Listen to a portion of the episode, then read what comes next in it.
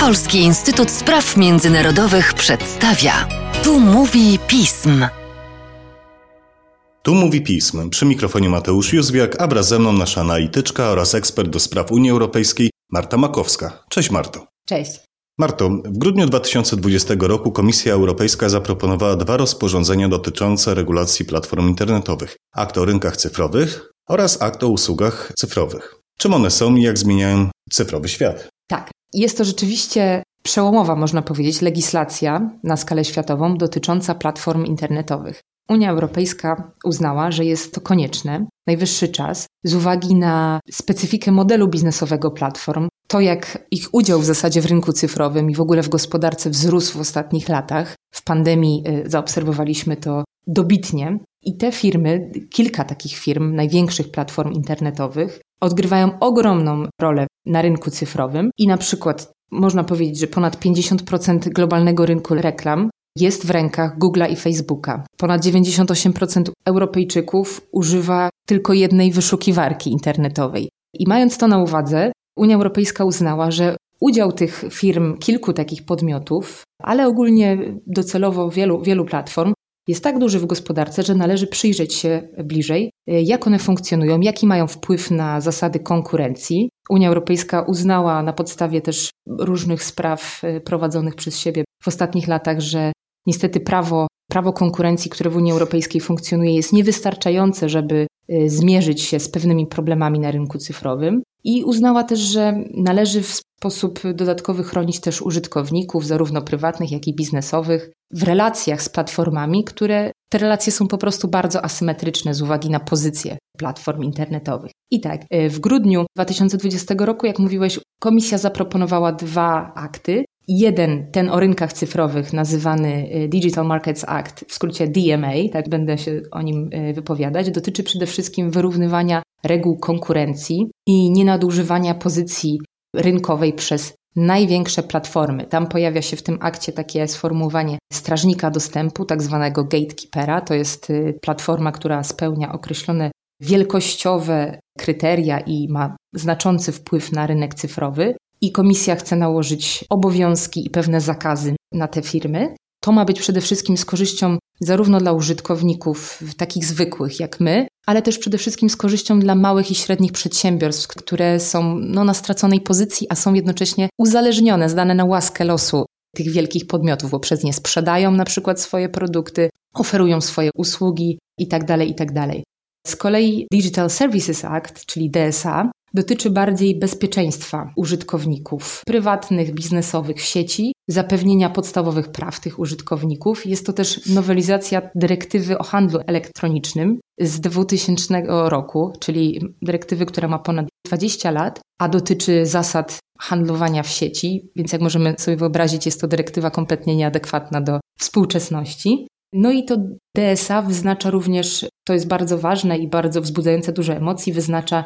pewne obowiązki platform dotyczące tego, na jakich zasadach usuwać treści nielegalne, szkodliwe, czym są te treści nielegalne, w jaki sposób zawieszać czy usuwać różne konta użytkowników. Mówię, że to jest temat, który wzbudza dużo emocji, bo mieliśmy na przestrzeni ostatnich miesięcy, lat kilka takich głośnych spraw, zarówno w Polsce, jak i, jak i w świecie, gdzie platformy społecznościowe na podstawie swoich własnych regulaminów, które często do końca nie są jasne dla użytkowników albo są bardzo oględne, są, są takie pozostawiające duże pole do manewru, do interpretacji, no to te platformy, które mają ogromny zasięg i są monopolistami w oferowaniu pewnego typu usług, arbitralnie stwierdzają, kto jest, że tak powiem, godzien być na ich platformie, kto nie jest. I, no i tutaj Unia Europejska stawia, stawia sprawę jasno. Tak nie może być, muszą powstać reguły jasne yy, i wspólne dla wszystkich, żeby, żeby to wszystko uregulować, głównie właśnie ze względu na pozycję tych platform w gospodarce cyfrowej. Grudzień 2020 to wydaje się dość zamierzchły czas. Jednak patrząc pod względem tego, jak wprowadza się pewne ustawy i dokumenty, jest to dość krótka perspektywa czasowa.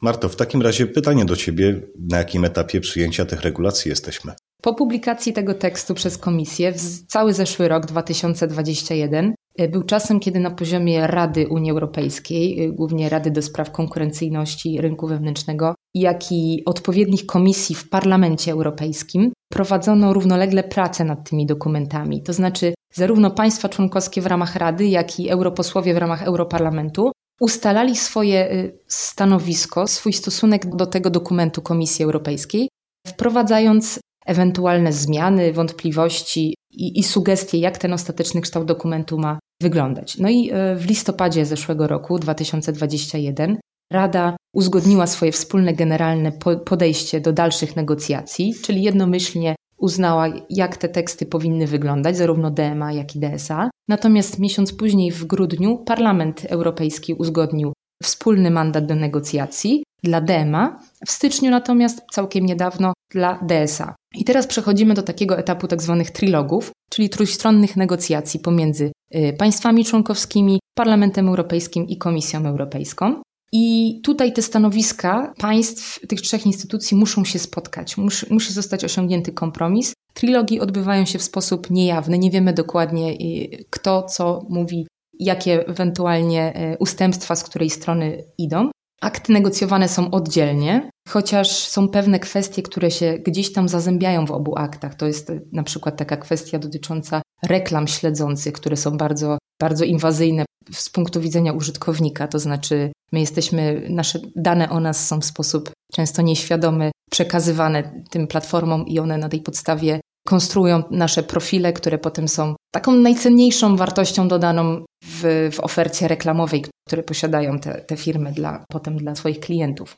Zaznaczyć myślę, że warto na ten etap y, negocjacji, na jaki jesteśmy, że jest to szybkie tempo, tak jak mówiłeś. W zeszłym roku, w drugim półroczu, prezydencja słoweńska dbała o to, żeby ustanowić to wspólne stanowisko Rady. Natomiast sprawująca teraz prezydencję w Radzie Unii Europejskiej Francja chce osiągnąć porozumienie, ten kompromis pomiędzy trzema instytucjami, najlepiej do kwietnia bieżącego roku, przed wyborami prezydenckimi we Francji, bo warto dodać, że ta kwestia cyfrowych gigantów regulacji platform internetowych we Francji jest niezwykle nośna. Jest bardzo duży, duży nacisk na to, żeby postawić się amerykańskim, zwłaszcza firmom. I to jest taka, taki ważny punkt w kampanii wyborczej Emmanuela Macrona. No i jeszcze wątek oczywiście suwerenności europejskiej, technologicznej suwerenności przez Francję jest też bardzo podnoszony. Francja chce, żeby oczywiście do końca prezydencji to osiągnąć, ale tak jak mówię, najchętniej do, do kwietnia. Marto, ostatnie pytanie w takim razie. Czy jest ryzyko, że pomysł ograniczania samowoli największych firm technologicznych w jakiś sposób nie zmaterializuje z powodu braku zgody pomiędzy państwami i parlamentem? Wydaje mi się, że takie ryzyko jest bardzo nieduże. Z uwagi na determinację wszystkich stron. Nie tylko Francja jest zdeterminowana do regulacji firm Big Techu, ale również pozostałe państwa europejskie, większość z nich, Parlament Europejski jest bardzo zdeterminowany. Pozycje negocjacyjne parlamentu i rady się nieznacznie różnią, ale to przesądzi ostatecznie o kształcie regulacji, o tym, kogo regulować, kim będą ostatecznie ci na przykład strażnicy dostępu w Digital Markets Act, czy będą to również przeglądarki internetowe, czy nie będą, albo w jakich obszarach chcemy i możemy zezwolić na te reklamy śledzące, o których wcześniej mówiłam. Natomiast te różnice moim zdaniem nie zaważą na tym, czy uda się osiągnąć porozumienie. Myślę, że na koniec warto jeszcze dodać, że Unia Europejska jest pod względem tych projektów legislacyjnych, regulacji platform, dużo dalej niż jakikolwiek państwo na świecie. Tutaj patrzę na Stany Zjednoczone na przykład, które w zeszłym roku tam również pojawiły się ambitne projekty e, regulacji platform. Natomiast z uwagi na pozycje, znaczy na poglądy kongresmenów, bardzo trudno te, te projekty będzie, kolokwialnie mówiąc, przepchnąć przez kongres, więc wydaje mi się, że Unia Europejska będzie tutaj pionierem na skalę światową. O tym się przekonamy w najbliższych tygodniach, miesiącach. Tymczasem dziękuję Ci, Marto, za dzisiejszy podcast. Dziękuję również. A Państwa zaś zachęcam do śledzenia naszej strony internetowej, czytania najnowszych biuletynów i komentarzy, śledzenia mediów społecznościowych i cóż, do usłyszenia.